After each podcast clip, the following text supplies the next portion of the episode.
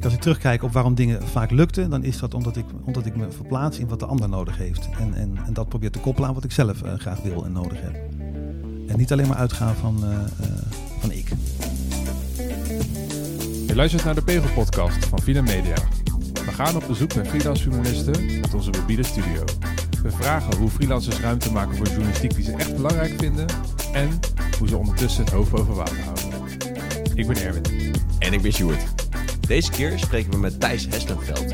Hij is fotograaf, ondernemer, maar bovenal reiziger.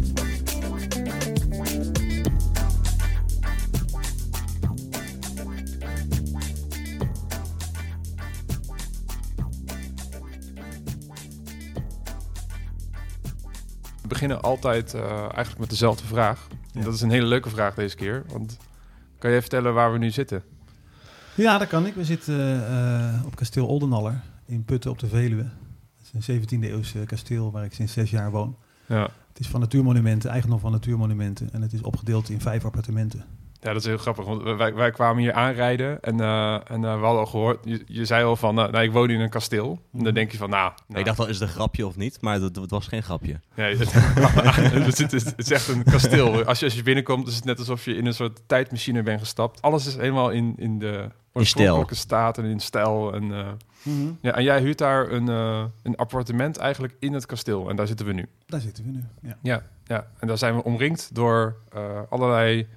Ja, ik zit, ik zit naast een drol. Je zit naast een ja. drol, ja. van, een, wat was het ook weer? Een, uh, een neushoorn, geloof ik, hè? Het is een uh, drol van een zwarte neushoorn, ja. Ja, kijk, kijk, ja, ja, en ik zit naast een, uh, een apenschedel, zo te zien. Paviaan, ja. Ja, ja. ja, dat zijn dingen van, die ik meeneem uit Afrika. Ik ben elk jaar drie maanden in Namibië, misschien dat we het er nog over hebben. En ik, ik koop eigenlijk nooit souvenirs. Ik hou erg van dingen meenemen, dingen die ik vind. Vuistbijlen, ik heb dit jaar ook weer een vuistbijl gevonden. En die drol van in de zwarte neushoorn, dat vind ik altijd een fantastisch mooi, uh, mooi ding. Ja. Hij ruikt ook lekker. Heb je er al aan geroken? Nee, nog niet. Dat doe ik uh, na de opname. ja. ik, ik, vind het wel een eer om ernaast te mogen Ik vind het wel een mooi idee dat er ooit iemand is geweest die een drol heeft gevonden, in zijn tas heeft gedaan en toen in de vliegtuig zat. Ik en, ben zelfs een keer bij de douane tegengehouden. En dan heeft hij, iets aan te, heeft hij iets aan te geven. kwam deze drol dus ook tevoorschijn, terwijl uh, op Schiphol een dame mijn tas helemaal leeg stond, uh, stond te halen. Ja. Geweldig. Die, grote horens die daar liggen van, uh, van Oryxen. Ja. Al dat soort dingen. Het kwam allemaal tevoorschijn. Ze hadden geen idee of het mocht. Uh, ik zag haar twijfelen. Ze, had, ze wist het echt niet. Ik zei op een gegeven moment, mevrouw, ik kom al twintig jaar in Afrika. Ik weet precies wat er wel en niet mag. Uh, dit is allemaal legaal. Ik had geen idee of het waar was. Maar ja, ja, het is gewoon zo doorlopen. Dus een beetje bluffen kom je in eind. Ja, daar kom je heel ja, eind. Ja, precies. Ik ben wel blij dat we nog niet, niet, in een wereld leven waar iemand zegt van ja, dit is een hoogst illegale drol die u meeneemt. Nou, ik kan je zo'n paar landen noemen als je daar aankomt met, met zo'n drol in je tas, uh, waar je echt de grootst mogelijke problemen krijgt. Ja. Maar goed, je... drollen. hey, Thijs, je stuurde mij een, een, berichtje op Twitter een tijd geleden. Ja. Uh, je was in contact gekomen met het project wat wij doen, de Pegel. Mm -hmm. uh, wa waarom nam je contact met ons op? Ik weet niet meer precies, ik zat zelf in Afrika toen, maar ik las iets mm. over, um, over jullie verhaal en over ondernemen en, en journalistiek. En dat vind ik een erg leuk onderwerp en daar heb ik volgens mij wel een, een verhaal over te vertellen. Mijn, mijn, enige echte baan ooit was bij de Gooi Neemlander. Ah, kijk, ja. En je hebt als commercieel tekstschrijver gewerkt? Dat was daarna. Ja, oh, dat ik was heb, daarna. Ik heb een paar jaar bij de Gooi Neemlander gewerkt, tot ik een nieuwe chef kreeg waar ik het heel slecht mee kon vinden. Een vervelende man vond ik. Uh, toen ben ik rechten gaan studeren en daarna heb ik een jaar of tien als tekstschrijver gewerkt, zelfstandig. Ik ben altijd zelfstandig geweest sindsdien. Ja. En um, op enig moment ben ik uh, steeds meer reisverhalen gaan schrijven. Dat was zeg maar een beetje rond de eeuwwisseling. En um, toen ging ik nog vaak met een fotograaf op stap voor tijdschriften. En op een gegeven moment werd het veel uh, makkelijker als je het allebei kon. En toen ben ik meer gaan fotograferen. En ergens in 2005, 2006 heb ik besloten, uh, voortaan ben ik fotograaf. En geen journalist meer. Dat is nogal een uh, beslissing. Ja, ja die, kun je, die kun je zo nemen. Ja, nee, ja, dat ja, klopt. dat, wat, wat greep je dan zo aan die fotografie? Wat, wat miste je dan eigenlijk in je, in je andere werk? Ik vond, het veel, ik vond het veel leuker om te doen en ik vond het ook makkelijker om mezelf uh, uit te drukken. Ik heb het alleen maar over reisfotografie. Ik fotografeer eigenlijk alleen maar in het, uh, in het buitenland. En um, ik merkte, ik vond reisverhalen schrijven heel leuk. Ik, dat heb ik ook heel lang gedaan voor een heleboel verschillende bladen. Veel voor Parool ook. Dat was eigenlijk het leukste om voor Parool te werken. Want daar had ik heel veel vrijheid. Daar kon ik echt de verhalen maken die ik gewoon zelf wilde maken. Um, maar ik zag ook aan de, aan de fotografen die ik meekreeg, dat die, ja, dat was een andere manier van werken. Veel, nog veel dichter op, op, de, op de werkelijkheid, zeg maar. Dichter bij mensen. En um, ik merkte op een gegeven moment dat ik dat, gaandeweg hoor, dit is niet, niet een overnight verhaal, dat ik dat goed kon, maar dat ik dat ook een bevredigende manier vond om, om iets met mijn reizen te doen. Om te laten zien wat ik tegenkwam. En vooral wie ik tegenkwam eigenlijk. Ja. Ja, want dichter bij mensen komen. waarom zorgt fotografie ervoor dat dat kan? Want als je schrijft, dan maak je ook afspraken met mensen, je, je interviewt. Je, je hebt ja, maar dat is een hele andere manier van werken. Als je als fotograaf, op reis heb ik het over. Hè? Dat is iets heel mhm. anders dan als je fotograaf in Nederland bent, denk ik. Ik heb geen opdracht, ik ben gewoon op reis. Ik reis door, door landen, vaak uh, derde wereld. En ehm, daar loop ik gewoon rond, zonder plan. En fotografie, een, camera om je nek, of twee, is een soort hele makkelijke uh, legitimering om op mensen af te stappen. Of op situaties af te stappen. Of om gewoon een deur open te doen en eens te kijken wat er, wat er achter uh, gebeurt. Het is een soort vrijbrief om, zo ervaar ik dat in ieder geval, om um, ja, om in allerlei situaties te komen en, en, en, en, en plekken en, en, en mensen waar je anders uh, moeilijker binnenkomt. Ik, je hoeft eigenlijk niks uit te leggen. Dat in ieder geval zoals ik het doe, merk ik, ik kan overal binnenstappen en het gaat eigenlijk altijd goed. Iedereen vindt het leuk en is geïnteresseerd. En, uh, en dat is dus een groot. Als je met een bloknoot binnenkomt, dat zou heel anders werken. Dat, dat, dat zou veel slechter werken.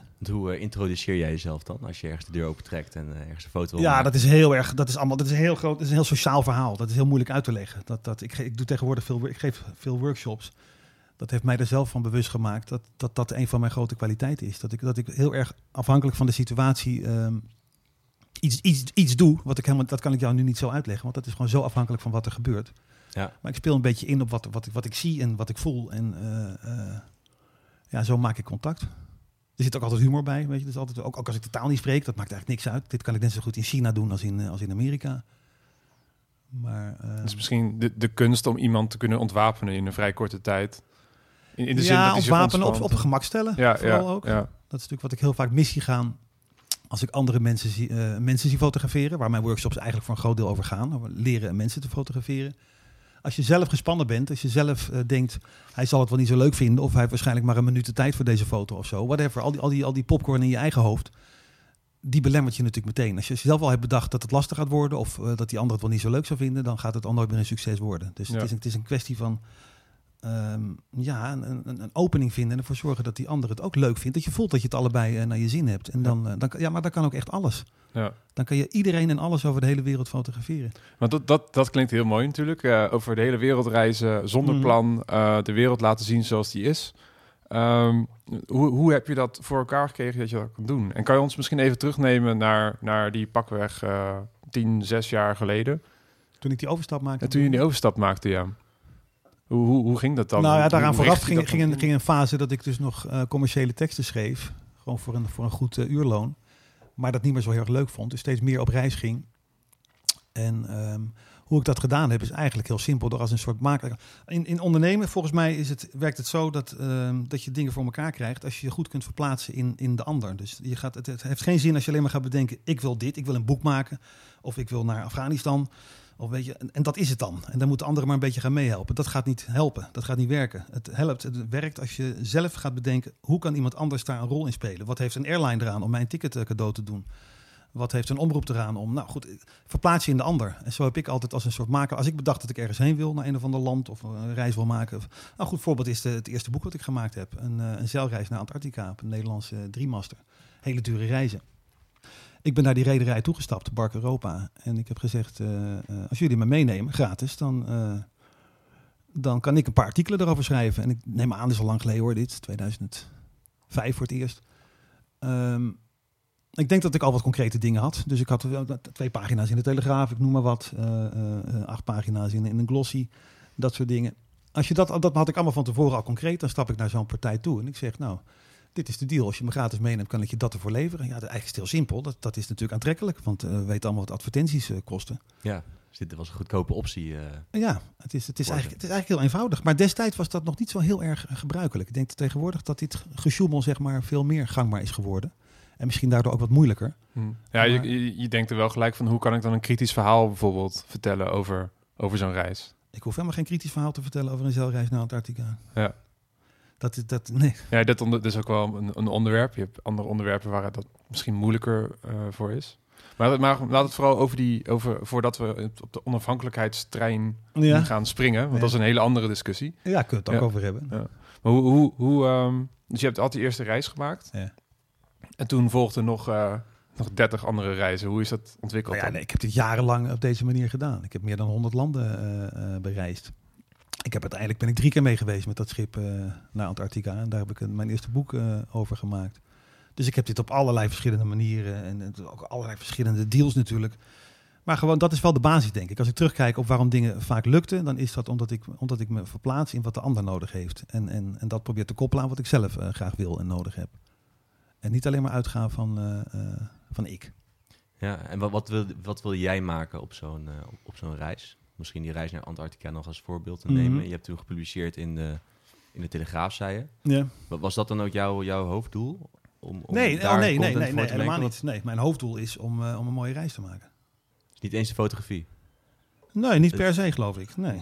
Nee, ik denk dat ik dit. Ik ben uiteindelijk uh, steeds meer werk gaan doen. Wat ik leuk vind, wat ik graag wil doen. En ik vind reizen fantastisch. Dat vind ik nog steeds trouwens. Ik denk dat dat het belangrijkste doel uh, is. En uiteindelijk fotograferen vind ik wel. Nu de laatste jaren. Ik ben dus veel in, uh, in Afrika. Neem ik mensen mee de bush in, één op één. Ik fotografeer bijna niet meer eigenlijk. Hmm. Ik weet niet eens of ik nog fotograaf ben, eerlijk gezegd. Ja, maar ik vind dat ook niet zo'n belangrijke vraag. Hmm.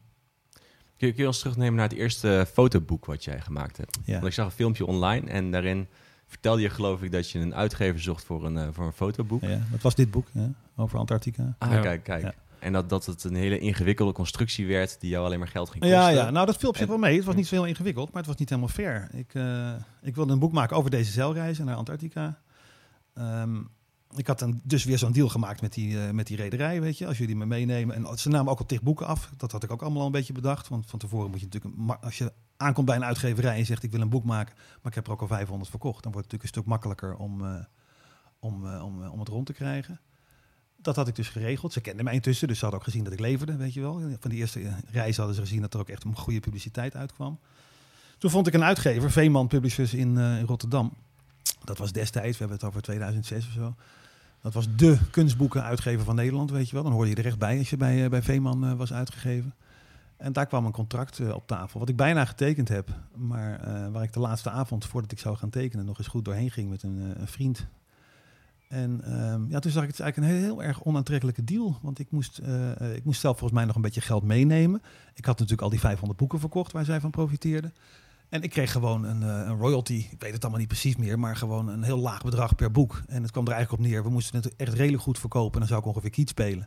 Hm. En als we het heel goed verkochten, nou, dan zou ik er een paar duizend euro mee verdienen. En als we het niet verkochten, dan had het me nog geld gekost ook. Dat vond ik helemaal geen goede deal, want ik had er al 500 verkocht. En ik had geen enkele reden om aan te nemen dat ik dat niet nog een paar keer kon, uh, kon doen, dat trucje. Dus toen heb ik besloten, die avond, uh, ik ga het zelf doen. Was dat moeilijk? Ja, dat was super spannend. Want uh, ik, ik, kende toen, toen nog niet alle bedragen en zo. Ik had eigenlijk geen idee wat het ongeveer zou gaan kosten. Maar uiteindelijk, uh, uh, uit mijn hoofd, was het druk, drukwerk alleen al 25.000 euro. Goede ontwerpers erbij en zo. Nou, het zal zeker 30.000 euro gekost hebben. Die had ik niet. Dus ik ging iets, iets maken waarvan ik...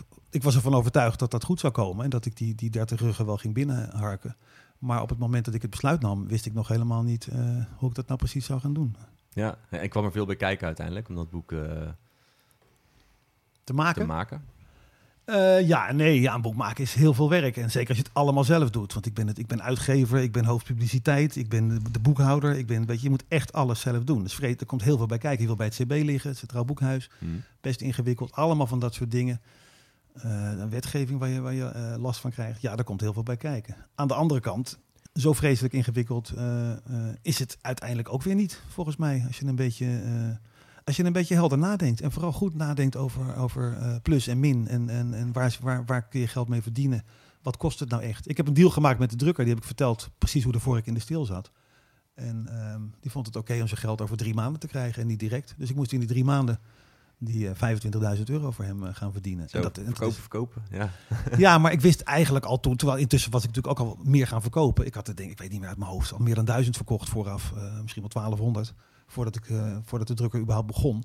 Daarmee was het hele project eigenlijk al kostendekkend geworden. Weet je? Het kon alleen nog maar goed gaan. Ik was wel doodsbang, maar dat heb ik nog steeds bij elk boek, dat er een pagina onderstebovenin zou staan. Weet je wel, zo'n oh, ja, ja. zo, ja, blunder van de ontwerper of zo.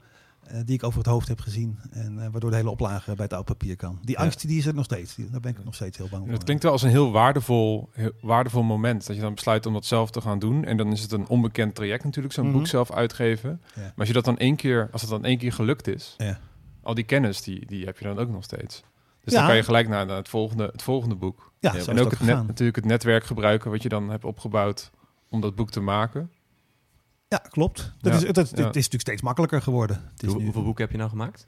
ik heb zes boeken uh, gemaakt. Ik heb er eigenlijk vijf zelf uitgegeven. Eén daarvan is bij het KIT, uh, Instituut voor de Tropen, uitgegeven. Mm -hmm. Heb ik eigenlijk wel zelf gemaakt met dezelfde ontwerpers waar ik altijd uh, mee werk. Koning Harder uit Utrecht. En um, ik heb die titel later ook overgenomen van die uitgeverij. Maar dat was een groot duur boek en dat was zo'n grote investering, daar had ik zelf niet zoveel zin in. Ja, ja precies. Wat ik zelf wel interessant vind aan de fotografie, ik ben nou goed, opgeleid als, als schrijvend journalist. Mm -hmm. In de fotografie heb je volgens mij veel meer mogelijkheden om je werk te verkopen. Klopt dat? Ja, dat denk ik wel, ja. Het is natuurlijk niet beperkt. Als je in de journalistiek werkt, ja, dan, dan, dan toen ik nog met die reisverhalen bezig was, dan stond ik af en toe bij het schap en bij de tijdschriftenwinkel gewoon eens te kijken naar alle titels. De meeste kende ik dan wel, maar er lag wel weer eens wat nieuws bij. Het voelde altijd wel een beetje alsof dat, dat de hoek was waar je het in moest gaan zoeken. Veel meer daarbuiten kon ik zo gauw niet verzinnen eigenlijk. Fotografie is natuurlijk heel anders. Ik, ik verkoop ook foto's gewoon uh, los of heel mooi uh, geprint uh, in, in galeriekwaliteit, zeg maar, zoals hier aan de muur hangen. van de week kreeg ik nog een mailtje uit Australië van iemand die een foto uit, uit Hot wil hebben. Mijn boek over, over Australië je kunt eigenlijk alle kanten op met fotografie natuurlijk. Uh, exposities, uh, bedrijven die, die toevallig iets, iets willen. Ja. ja, is veel breder. Wat me ook fantastisch lijkt, is dat je niet, niet zozeer die taalbarrière hebt ook. Je vertelde net al dat je, mm -hmm. dat je met fotografie ook, terwijl je de taal niet spreekt, ja. goed uit de voeten kan. Ja. Maar ook met de verkoop lijkt me dat een groot voordeel. Omdat je hoeft geen vertaalslag te maken. Hoe bedoel je? Ja, als ik een artikel in het buitenland wil verkopen, dan moet ik het laten vertalen. Mm -hmm. Met, met beeld lijkt me dat minder. Uh, oh, je bedoelt een foto. Ja, ik, ik, zat, ik ja. zat nog even aan boeken te denken, maar jij bedoelt uh, een, een, los beeld. Bijvoorbeeld, ja. Ja, ja ik zit nu naar die, uh, de print te kijken die bij jou aan de muur hangt. Van een, een man die staat in een deuropening. Waar, waar, waar heb je die gemaakt? Bali. Oh, dat, is een, Bali. Een autowasser op Bali. Ja. Nee, dat klopt. Ja. Je zult in ieder geval moeten gaan vertalen als je iets naar het buitenland wil verkopen. Ja. Als schrijver. Ja. hoe, hoe zit het dan met die met het dat um, als we het hebben over, over het, het voor verdienmodel? Mm -hmm. zeg maar. Je bent op een gegeven moment begonnen met die, met die boeken. Dat, was, ja. uh, dat lijkt me een, uh, een, uh, een spannende tijd in het ja, begin. Was het ook, ja. Want ja, ga ik die, ga ik die 25.000 euro wel terugverdienen? Mm -hmm. um, groei je daarin, in, groei dan in het vertrouwen dat, dat, dat, dat het wel goed komt? En komen ook uit, uit het boek, dat is een, misschien wel een tweede vraag, uh, uit het boek komen, komen dan ook allerlei andere werkzaamheden daaruit? Hoe, hoe is dat gegaan? Um, nou, die eerste jaar natuurlijk. Als je het vaker doet, dan wordt het, uh, uh, wordt het makkelijker. Maar wat ik er net over vertel, ik heb elk, elk boek wat ik zelf gemaakt heb en zelf uitgegeven heb, heb ik, uh, wist ik vooraf, op het moment dat, de, dat de persen gingen draaien, wist ik al dat ik er geld mee ging verdienen. Als die pagina maar niet ondersteboven er, erin kwam. ja. Zo simpel is dat verdienmodel dus. Ja, ja. Ik, ik, zoek gewoon van tevoren, ga ik bedenken, een beetje wat ik net al vertelde over, over, over klanten vinden. Bedenken voor wie zou dit boek interessant kunnen zijn. Mijn fotoboek over Antarctica heet Cold, uh, kou uh, in het Engels. Dat heb ik verkocht aan, uh, uh, aan Colt Telecom bijvoorbeeld. Die hadden net een jubileum. We hebben het over een andere tijd. Hè? Er was nog wel veel geld, uh, mm-hmm. 2007. Dus Colt Telecom met een, met een T kocht 500 exemplaren van Colt met een D. Het is een soort flauwe woordspeling. Heel sterk vond ik het eigenlijk niet. Maar dat maakt even niet zoveel uit. Ze kopen er 500. Zo doe ik dat. Ik, ik, ik ben voortdurend op zoek naar mensen, ook die grotere aantallen willen afnemen. Weet je, ik merk dat mensen, zeker in die fotoboekenhandel, zelf uitgeven, erg de neiging hebben om te focussen op de eentjes, op de boekhandel. Uh, weet je wel, daar een boekje, die twee. Dat schiet allemaal heel erg niet op. De boekhandel neemt ook heel veel, uh, heel veel marge. Ik heb altijd partijen verkopen. Ja, aan, ik verkoop uh, veel liever. Het, het, het, werkt veel beter in ieder geval. Als je even puur economisch kijkt. Als je er 500 of 1000 in één klap aan iemand verkoopt. Ook al geef je hem een hele dikke korting. Want uh, dan komt er in één keer een klap geld binnen. En dat helpt enorm om zo'n project natuurlijk in één uh, keer... Om even een hele flauwe woordspeling te maken. Zijn het dan koude belletjes? of, uh... ja, dat, ja, dat is heel flauw. Ja, dat zijn hele koude belletjes. En dat is echt wel onderdeel van, van, dit, van dit doen, van dit soort dingen doen. Je moet echt wel de telefoon durven pakken en de hele wereld bellen. En als je, dat, als je dat moeilijk vindt, als je daar schroom bij voelt, dan is het echt heel belangrijk dat je daar wat aan gaat doen. Want anders dan kun je nooit dit soort uh, projecten van de grond krijgen. Ik, hoe, ik, ik, hoe werkt dat dan? Heb je zo'n boek cold en dan ga je gewoon googlen van wat, wat past hierbij van een bedrijf. Uh, Bijvoorbeeld, ja. Misschien ga ik gewoon. Erop. Ik ga gewoon. Ik heb het nog verkocht aan zo'n zo'n bedrijf dat van die hele grote koelinstallaties verkoopt. Weet je wel, bovenop vrachtwagens zie je die vaak. Uh, ik weet niet eens meer de naam. Nou, ieder, iedereen die in de diepvrieshandel zit, al die vrachtwagens die je ziet rijden met, met, met, met van die ijskristallen erop afgebeeld. Die mensen zitten allemaal in de handel van de kou. Nou, dan kan ik zelf wel bedenken. Als je de mazzel hebt dat in het een jubileum is of een zak geld in de hoek, weet ik veel whatever. Ga bellen, ga, ga googlen. Uh, uh, Ja, daar ben ik daar weken mee bezig, non-stop. Maar dat vind ik ook heel leuk om te doen. En ik vang natuurlijk heel veel bot. Dat hoort er gewoon bij. Je krijgt heel veel nee. Hmm. Maar uh, hoe erg is dat eigenlijk? Ja, nee, we hebben ook andere ondernemende journalisten en uh, mensen gesproken. Maar die zeggen ook van ja, het zit gewoon in de aantallen. Je moet gewoon, gewoon gaan bellen. Ja. En heel veel nee aanhoren. Ja, dat, dat, daar moet je natuurlijk sowieso. Maar dat, ik denk als je gaat ondernemen, dat je sowieso echt moet leren om, om, om nee als antwoord te accepteren. Dat is ook heel uh, oké eigenlijk. Als, je maar, als je maar af en toe een echt een, een, leuke, verrassende ja krijgt. En dat gebeurt natuurlijk vroeg of laat. Mhm. En ja. Uh, ja. dan is de kick daarvan is groot genoeg om weer, uh, om weer keer nee aan te horen. Daar komt het een beetje op neer, denk ik. Ja, ja precies. Ja, je, doet ook, uh, je doet ook andere dingen dan, dan, dan die boeken. Ja. want je had net al, je zei, je, je geeft workshops. Mm -hmm. je neemt mensen mee op ja. reizen. Ja. Kun je daar wat over vertellen? Ja, ik, uh, de laatste zeg maar vijf, acht jaar is die, is die handel, wat ik veel deed voor tijdschrift en dergelijke, is, is dusdanig in elkaar gestort dat dat gewoon financieel echt helemaal niet meer interessant is. De tarieven zijn te laag geworden. Ja, die zijn zo laag dat het nu een soort onkostenvergoeding is geworden als je, als je een week op reis gaat voor een tijdschrift. Bij de meeste bladen in ieder geval. Dus dat vind ik niet zo interessant meer. Um, ik ben op enig moment heb ik bedacht, het is leuk denk ik om mijn kennis uh, op het gebied van, van fotografie dan vooral uh, te delen. De eerste keer dat ik dat gedaan heb was denk ik op de stad Amsterdam, een andere driemaster, een mooi schip van, uh, van Randstad. In de Caribbean heb ik uh, twee weken uh, twee verschillende workshops gegeven van, van tien dagen. Dus ja, ik, ik, ik, ik organiseer tegenwoordig allerlei. Ik ben elk jaar een week in Marrakesh. Ik organiseer zelf een trip ergens naartoe. Uh, ik zorg voor hotel en al dat soort dingen. En ik moet acht of tien of twintig mensen vinden die, die een week met me mee willen of tien dagen. En dan gaan we in Marokko, in het geval van Marokko, gaan we heel veel in de stad rondlopen. En een paar dagen de Hoge Atlas in. Als ik in de Caribbean ben, dan zeilen we van eiland naar eiland. Dat is meer een luxe reis. En tussendoor uh, uh, geef ik een workshop. Dus ik heb elke dag een praatje. En ik, ik, help mensen overdag een beetje als we, als we rondlopen. En aan het eind van de dag kijken we samen naar de beelden. Ik heb het over een week hier. Op het kasteel uh, heb ik een workshop. Kijk, voor de verandering ja. lekker dicht bij huis. Ja, ja dat had ik ja. nog nooit eerder gedaan. Maar het is eigenlijk een prima plek. Ja, het is een prachtige locatie. Inderdaad, ja. Meer dan prima, lijkt me. En je bent niet lang geleden teruggekomen uit Namibië, was het geloof ik, hè? Ja. Ja, wat, wat heb je daar gedaan? Ik kom al zes jaar uh, in Namibië. Dat is ook begonnen gewoon met een persreis voor, uh, voor een tijdschrift. En ik vond het daar fantastisch. En ik heb daar ontdekt dat je... Ik heb altijd veel met voorbeeldwijs door, door Australië gereden. Daar ook een boek over gemaakt. Echt in de bush, heel afgelegen. Datzelfde ben ik in Afrika gaan doen, in Namibië. En um, dat vond ik nog veel interessanter dan Australië. Omdat, het, ja, omdat er veel meer wildlife is. Het is echt heel puur. En, maar ook spannender. Veel meer gevaren dan, dan ik gewend was uit Australië. En ik heb een, uh, een boek gemaakt over Namibië. En dat gaat over, wanneer heb ik dat gemaakt? 2013 of 14. Uh, dat ging over de reis van tien Nederlanders die ik mee heb genomen. Allemaal een week daar de bush in. En de bush in is echt de bush in. Hè? We zijn niet in national parks. We, zien nooit een campsite. We staan echt gewoon in de, in de wildernis. En we zien soms dagen, soms een week geen andere mensen. Dat heb ik toen met tien mensen gedaan. En daar heb ik een, fotoboek over gemaakt. Empty. En toen was dat boek uit. En toen dacht ik, ik vind het eigenlijk wel een hele... ik vind het heel erg leuk om te doen. En uh, het verdient ook goed. Dus uh, ik ben het blijven doen. Ik ga nu elk jaar twee of drie maanden naar Namibië. En uh, daar krijg ik Hollanders op bezoek, steeds voor een week, soms tien dagen. Ja. En dan doen we dit, dan gaan we de bush in. Dat heeft met fotografie dus eigenlijk niet zo... Ja, ze hebben een camera bij zich, maar verder heeft het daar niet zoveel mee te maken. Ge geef je nog wel workshops ter plekke of gaat het echt puur om, om de Daar reis? in Namibië? Ja. Nee, dat gaat, dat gaat echt niet over fotografie. Dat gaat over... Die reizen zijn veel meer bedoeld om een Hollander te laten ervaren hoe het is om om in je eentje in de echte wildernis te zijn. Met echte, echte gevaren. Waar gewoon leeuwen en olifanten en alles uh, uh, rondloopt. Wat dat met je doet. Mm -hmm. Wat dat met, uh, met angst doet vooral. Dat, dat, de mensen die ik meekrijg vinden het interessant om dat te, te ervaren. Dat is ook de bedoeling. Ja, ja Daar precies. gaat het echt over. Is er een link met journalistiek? Tussen, tussen dat werk en... uh, Hoe bedoel je? Waar zie jij hem? Nou, weet ik niet. Ik zit, ik zit te zoeken eigenlijk. Dit, dit komt wel, wel voort uit, jou, uit jouw fotografie. Dus ja. uit, uit het, reizen en het, het, het, het laten zien van, Ja. van jouw reis, het vertellen van een reisverhaal. Ja.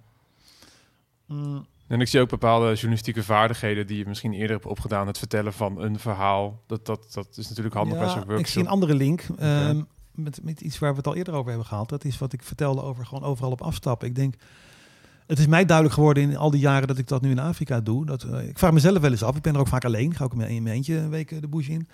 En dan zit ik wel eens bij het kampvuur en denk, waarom doe ik dit nou eigenlijk? En, en hoe kan het dat ik dit kan als Hollander? Weet je, ik heb er nooit enige uh, training in gehad of wat dan ook. Niks.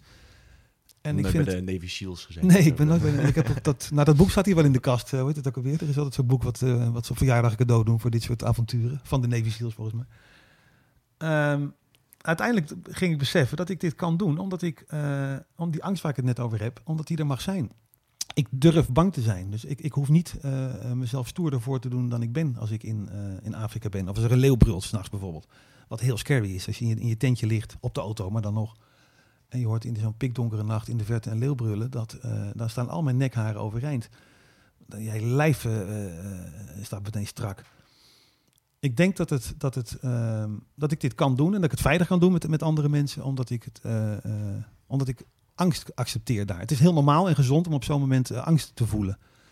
En dat is denk ik een beetje een link met de journalistiek en met die fotografie waar ik over vertelde. Want als je mensen gaat fotograferen, of als je die deuren zomaar open doet waar ik over vertelde, uh, terwijl je geen idee hebt wat erachter zit. Ja, daar komt natuurlijk ook angst bij kijken. Alle, mensen die andere mensen fotograferen zijn volgens mij altijd op een bepaalde manier zijn ze bang.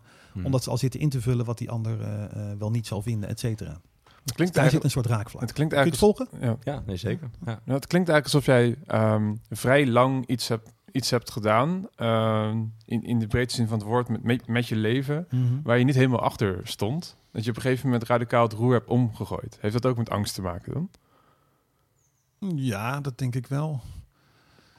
Wat bedoel je met niet helemaal achter stond? Dat ik dingen maakte waar ik... Uh, nou, dus op een gegeven moment zei je van... Uh, ik was copywriting aan het doen... en ik wilde eigenlijk fotograaf worden... en ja, ik moest die grote sprong maken. Ja, dat, dat klopt. Ik, ik, deed, ik heb lang dingen gedaan die ik soms wel leuk vond... maar waar nou, ook niet echt helemaal uh, recht precies waren... waar mijn hart nou echt sneller van gaat, gaat kloppen. Dus ik ben... Ik, het is niet een keiharde overstap geweest. Ik denk dat het wat meer uh, geleidelijk is gegaan. ik ben wel steeds meer, steeds meer dingen gaan doen die, uh, die dicht bij mijn hart liggen. En die, die liggen bij wat, waar ik echt, wat ik zelf graag wil doen. Waar, waar ik zelf blij van word. Ja, ik kan me voorstellen dat je dan ook wel een bepaalde, bepaalde angst moet accepteren.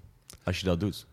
Je kiest voor een, voor een grote onzekerheid als je zo'n sprong maakt? Of was het in jouw eh, geval niet, uh, niet zo? Ja, het zijn natuurlijk meerdere sprongen. Weet je, ik ben op een gegeven moment opgestapt bij de krant waar, waar ik in loondienst uh, zat. Toen ben ik voor het eerst zelfstandig geworden. Toen had ik, kon ik heel goed geld verdienen met copywriting, maar daar ging de lol een beetje vanaf. Dus ja, daar komt wel angst bij kijken. Maar aan de andere kant heb ik, ik had er gisteravond nog over met een vriendin. Um, ik doe dat dus nu 30 jaar of zo zelfstandig. Ik heb altijd geld gehad. Terwijl ik heel, eigenlijk op heel veel momenten, nu ook nu we hier zitten, niet echt een idee heb wat er de komende maanden echt gaat gebeuren qua, qua inkomsten, zeg maar weet het echt niet. Maar dat is eigenlijk altijd zo geweest in die, in die 30 jaar, of althans heel vaak. Dus puur op ervaring, zeg maar puur op statistiek, kan ik nu wel gewoon zeggen. Goed gegaan. Het is altijd goed gegaan. Dus ik heb geen enkele reden om aan te nemen dat dat nu niet uh, zal gaan gebeuren. Er komt altijd wel wat aanwaaien, of ik verzin wat. Ja, er kan heel veel in een land als Nederland. Hmm. Valt me vaak op dat mensen zo ontzettend benauwd geneigd zijn te denken over alleen maar over onmogelijkheden. Maar volgens mij, als je in een land als Nederland woont, heb je ongelooflijk veel mogelijkheden. Veel, veel meer dan, dan, dan vrijwel de rest van de hele wereldbevolking. Als je daar nou eens van uitgaat, hoeveel er allemaal kan, dan wordt het allemaal veel ruimer en leuker en, en, en soepeler. Dan als je voortdurend zit te bedenken wat er allemaal niet kan. Kun je ook doen, maar het is niet heel erg. Uh, ja, we zitten eigenlijk in een hele ideale situatie. Vind ik wel, ja. ja. Ja, dat krijgt voor elkaar dus om als, als reiziger in een kasteel te wonen. Ja, ja, dat, ja dat, dat, moet het even benoemen hoor, in, in het licht van dit verhaal. Wat bedoel je, hoe ik hier ben komen wonen? Nee, nee, nee, meer uh, dat, dat, dat uh, ik heb ook gelezen dat bijvoorbeeld, uh, het lijkt, lijkt alsof jouw karakter ook een beetje is van, nou ja, ik ga overal op zoek naar kansen en als ik iets wil, dan moet ik, dan moet ik dat regelen of mm, zo. Dan jij, regel ik het. Ja. En jij, wil, jij zei heel specifiek, zei je net al, ik wilde in een 17 eels kasteel ja. wonen. Ja. Punt. En dat heb je nu geregeld. Ja, dit was het. hoe, hoe dan? Ja, dat, ja, goed. Dat was in de crisis ergens. Uh, ik, woon hier nu zes jaar, dus dat was 2012, denk ik. Mijn ik had een uh, appartement in Hilversum koop en dat, dat dreigde net onder water te gaan staan. Ik had er bijna tien jaar gewoond, waarvan de laatste vijf jaar echt met tegenzin. Ik was helemaal klaar met Hilversum. Dus ik wilde daar weg al een tijd. Maar goed, ik was veel in het buitenland en ik liet dat een beetje voortsudderen. Toen kwam de crisis, toen ging mijn huis onder water staan. En toen besefte ik op een gegeven moment, als ik nu niet wat doe, dan zou het zomaar kunnen gebeuren. Als het allemaal nog erger wordt met die huizenprijzen, dat ik over over een paar jaar een boete moet gaan betalen van 10, 20 of 50.000 euro om, om te mogen vertrekken van een plek waar ik niet wil wonen. Dat, dat scenario zag ik opeens voor me. Ik denk, ja, dat is echt zo horror, dat kan gewoon niet waar zijn. Dat laat ik niet gebeuren. Dus ik moet nu wat doen. Dus ik heb die, die, die, eh, die flat verkocht in een week midden in de crisis voor een hele slechte prijs. Maar iedereen zei, je kunt geen huis verkopen. Het is natuurlijk flauwekul. Alleen je kreeg er niet meer de prijs voor van, van een paar jaar daarvoor. Dat was nou eenmaal de realiteit. En ik ben gaan zoeken naar een 17e eeuws kasteel. Want eigenlijk wilde ik mijn hele leven al, als kind al, wilde ik in een 17e eeuwse kasteel wonen. Met, met gras, met, uh, met grote oude bomen.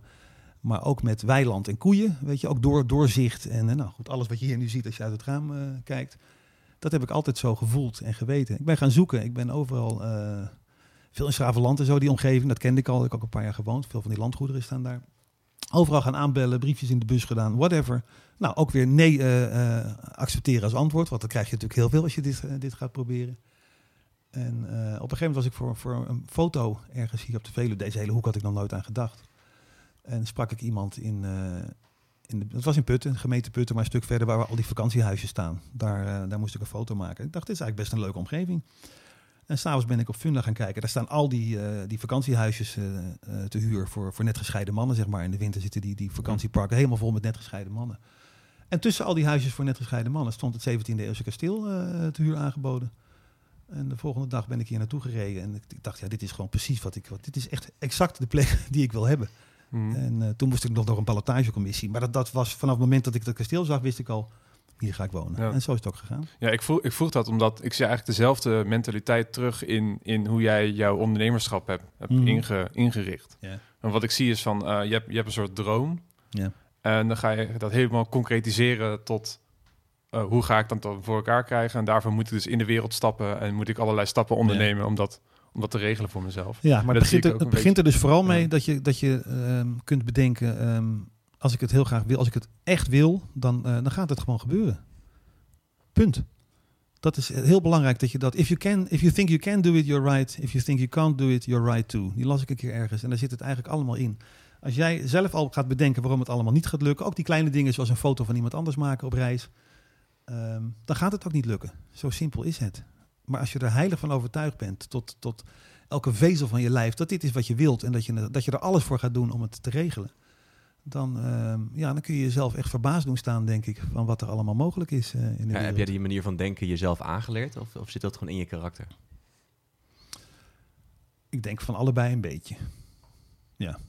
ja. Het helpt natuurlijk wel als je een paar keer uh, dit zelf zo ervaren hebt. Ik snap wel dat ik nu een verhaal zit te vertellen. Als je dat zelf nooit beleefd hebt, dat, je, dat iets wat je dolgraag wilde, dat je het ook gewoon fixte dan is het nog een soort theorie. Maar als je het twee of drie keer hebt meegemaakt, dat je, dat je dit soort dingen gewoon echt uh, voor elkaar kan krijgen, dan is het de volgende keer natuurlijk wel wat makkelijker om erop te vertrouwen. Dus jij zegt richt vooral op wat je zelf wil, niet op wat je niet wil.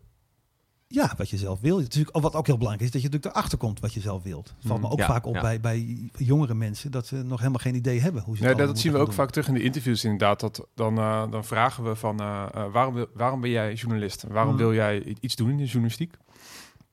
En dan, dan komt er niet een heel concreet iets uit. Dan, dan is het met, ja, ik vind verhalen schrijven leuk. Of ik vind, uh, ik wil iets, ik wil de democratie beschermen. Of, of zoiets. Hele, hele brede dingen. Ja.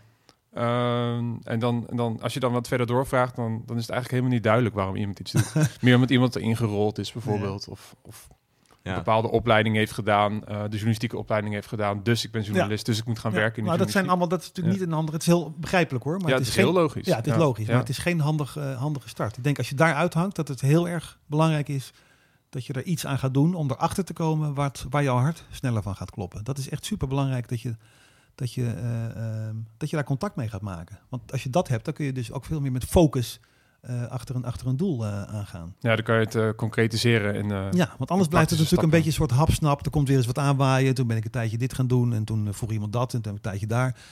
Ja, dat kan allemaal. Dat hoor je vaak, dat soort verhalen. Maar die gaan je natuurlijk niet heel dichtbij bij je eigen verhaal brengen. Hmm. Je bent eigenlijk al gauw het verhaal van de ander. Ik heb dat zelf eigenlijk heel erg zo beleefd toen ik bij de Gooi Nederlander zat. In het eerste jaar vond ik dat enig, vond ik dat schitterend. Net van de school voor journalistiek stukjes schrijven en dan, en dan terugzien in de krant. Maar ik vond het eigenlijk al heel gauw uh, ontzettend saai. En, en, en, en ik vond het ook een vreselijk bedrijf. Uh, ik, zat, ik zat daar het verhaal van anderen overeind te houden. Wat me eigenlijk niet zo vreselijk veel interesseerde. Ik vond het ook niet mooi. Ik vond, vond het niet boeiend. Uh, ik had er niet zoveel mee. Ja. Ja. Heb je nog... wat, wat zijn je toekomstplannen? Is er nog een bepaald doel ja, wat je wil bereiken? Nog, nee, wat, je, wat je gaat bereiken, laat ik het zo zeggen. Ja, behalve nog een paar keer op een, op een auto in de, in de bush liggen. In het donker. Ja, Um, nou, ik heb dus eigenlijk geen toekomstplannen. Dat Heerlijk. staat een beetje haaks op wat ik net allemaal zit te vertellen, geloof ik. maar misschien is dat, dat is nu. Ik ben net terug uit Afrika. Ik zit ontzettend te genieten van, uh, van Nederland en van de zomer. En van, nou, van die koeien waar ik het net over had. En het net gemaaide gras wat ik ruik. Dus daar ga ik nu een paar maanden van genieten. En dan dan gaan we weer eens kijken. Ik heb even geen idee wat er. Wat er ik heb een paar workshops en zo staan, maar verder heb ik geen idee wat er, wat er gaat gebeuren. En, ja, ja. Ik, ga, we gaan het zien. Ik laat, ik laat me verrassen. Ben je tevreden over hoe het, uh, hoe het nu gaat? Ja, daar ben ik heel tevreden over. Mooi. En wat nou, en wat nou als iemand zegt, dat is de laatste vraag, als iemand nu komt met, heb jij je pensioen wel geregeld? Ja, ja die vraag wordt natuurlijk, die stel ik mezelf natuurlijk ook regelmatig. Ja, dat heb ik niet heel denderend uh, geregeld. Daar heb ik eigenlijk, uh, ik heb een beetje spaargeld en that's it. Verder heb ik er helemaal niks aan gedaan. Um, eigenlijk denk ik dan, dat zien we dan wel weer. Weet je, ik vind het heel apart dat, dat, dat in Nederland mensen daar zo ontzettend druk mee bezig kunnen zijn. Hele verjaardagen eraan aan, aan, spenderen om het, om het allemaal erover te hebben, hoe ze dat allemaal geritseld hebben. Terwijl ze misschien morgen onder de tram lopen. Het zou zomaar kunnen gebeuren. We weten niet eens of jullie straks de uitgang van het pand gaan halen. Misschien flikker je van de trap af en uh, is klaar. Weet je, er zit zoveel onzekerheid in het leven. Dat het heel potsierlijk is, vind ik, om, om met zoveel krampachtigheid te proberen dat, dit soort dingen allemaal te controleren. Een leven lang inrichten om, uh, om dat pensioen maar zeker te stellen. En dan kan het feest beginnen, zeg maar. Nou, als ik op Schiphol om me heen kijk en ik, en, en ik zie de mensen wat feest. Meer, dat ziet er over het algemeen niet heel erg uit als, als een feest. Dat, dat, mhm. zo werkt het leven volgens mij gewoon niet.